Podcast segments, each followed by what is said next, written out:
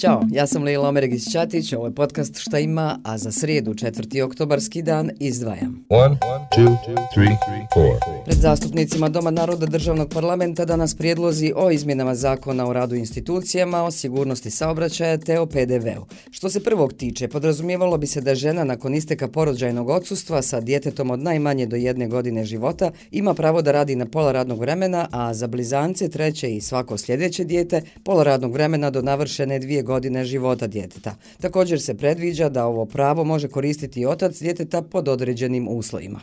Kada je u pitanju saobraćaj, ta izmjena bi podrazumijevala da se posebnim zakonom mogu obilježiti i vozila u kojima se nalaze osobe sa stepenom invaliditeta 80% i više, dok važeća odredba propisuje da je to stepen invaliditeta 100%. I ovaj treći u vezi sa PDV-om predviđa povećanje granice za registraciju poreskih obveznika sa 50.000 km na 100.000 zbog inflatornih kretanja i povećanja cijena roba i usluga. Sve vam je to ukratko i pored ostalog. Sarajevu danas počinje digitalni samit Zapadnog Balkana, na kojem učestvuju poznate imena sa političke scene, među kojima i Evropski komesar za proširenje Oliver Varhelji, kao i predstavnici međunarodnih organizacija. Transformativna uloga digitalizacije, zajednička vizija i ambicija regiona Zapadnog Balkana jedan je od panela koji će biti održan danas. A sutra će, kako se navodi, biti riječi o najnovijim trendovima i izazovima digitalnog svijeta. Sve u svemu cilje unapređenje saradnje i inovacije u digitalnom sektoru među ekonomijama Zapadnog Zapadnog Balkana, pa eto, učiti, učiti i samo učiti.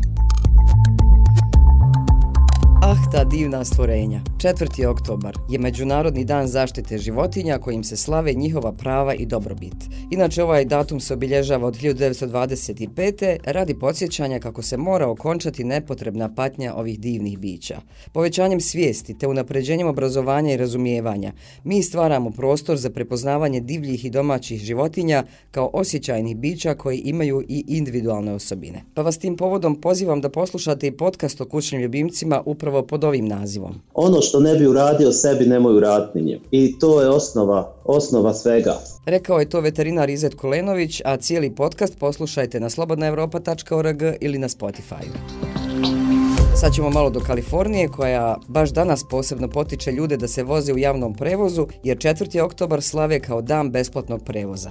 Sve vožnje će biti besplatne te će stanovnici diljem Kalifornije preduzeti korake za smanjenje emisija i poboljšanje kvalitete zraka. Korištenje javnog prevoza umjesto vožnje vlastitog automobila pruža uštedu troškova na gorivo kao naravno i smanjenje zagađenja zraka. I nije sad da ja tu nešto sugerišem, nego samo čitam korisnu informaciju.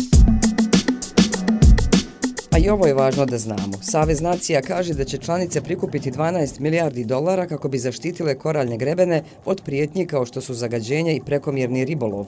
Ali i stručnjaci upozoravaju da će taj novac biti samo kap u moru ako se ne riješe širi klimatski rizici.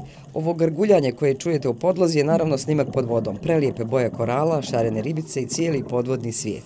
I uglavnom, dobro je da znamo da koralni ekosistemi podržavaju četvrtinu svjetskih morskih vrsta i više od milijardu ljudi ali su ugroženi zbog porasta temperature mora, morskog zagađenja, destruktivnog razvoja obale i ribarskih flota.